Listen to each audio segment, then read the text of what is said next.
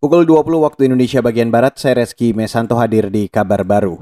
Saudara Kepala Badan Nasional Penanggulangan Bencana atau BNPB sekaligus Ketua Satgas COVID-19 Nasional Doni Monardo meminta pemerintah daerah menyiapkan instalasi baru untuk perawatan pasien COVID-19.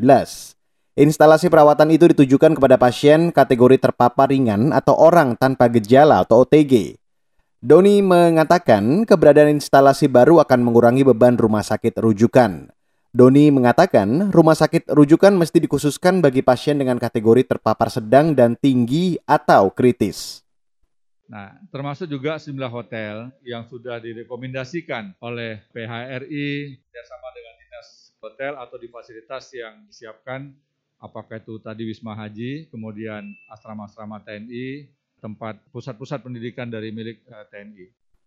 Ketua Satgas Penanganan COVID-19 Nasional, Doni Monardo mengingatkan saat ini masih terus ada peningkatan kasus positif COVID-19 serta turunnya kepatuhan warga menjalankan protokol kesehatan.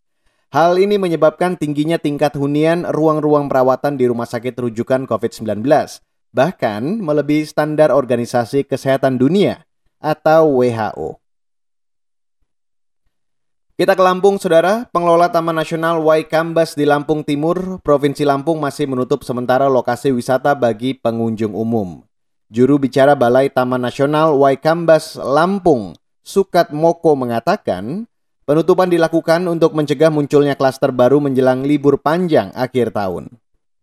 Kami justru takutnya nanti ketika Waikambas dibuka, ini pengunjung akan membludak membludak dan kami justru tidak bisa membendung dengan yang harusnya kuota itu dibatasi tetapi itu nanti tidak bisa terbendung sehingga akan menimbulkan kerumunan di dalam uh, pusat latihan gajah ataupun di, di tempat wisata itu dan uh, tentunya pasti akan menimbulkan nanti klaster COVID baru di daerah wisata. Juru bicara Balai Taman Nasional Waikambas Lampung Sukat Moko mengatakan, Sebetulnya pembukaan lokasi wisata Waikambas, terutama tempat pelatihan dan konservasi gajah bisa membantu perekonomian masyarakat sekitar yang terdampak COVID-19. Apalagi selama 9 bulan terakhir banyak pedagang kecil yang kehilangan penghasilan karena penutupan Waikambas. Namun pengelola tidak mau mengambil resiko di masa pandemi COVID-19. Saudara Menteri Pariwisata dan Ekonomi Kreatif Sandiaga Salahuddin Uno menginstruksikan para kepala dinas di daerah bergerak cepat membangkitkan sektor pariwisata dan ekonomi kreatif.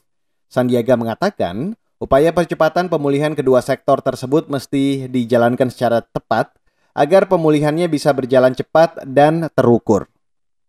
Kita harus gerak cepat. Jadi saya uh, langsung bicara sama seluruh kepala dinas uh, pariwisata dan ekraf di 500 lebih kabupaten kota dan 34 provinsi bahwa um, kita harus eh, sama-sama cepat kalau bisa bahwa kita nggak boleh ada tanggal merahnya, tanggalnya hitam semua, kita bekerja. Setelah itu kita geber, geber singkatan dari bergerak bersama. Menteri Pariwisata Sandiaga Uno mengatakan, Sektor pariwisata menjadi prioritas utama sekaligus sebagai langkah dalam memulihkan perekonomian di tanah air. Dan berdasarkan data Badan Pusat Statistik atau BPS, jumlah kunjungan wisatawan mancanegara ke Indonesia selama Januari hingga Oktober 2020 turun drastis 72% dibanding periode yang sama tahun sebelumnya. Dan saudara, demikian kabar baru. Saya Reski Mesanto.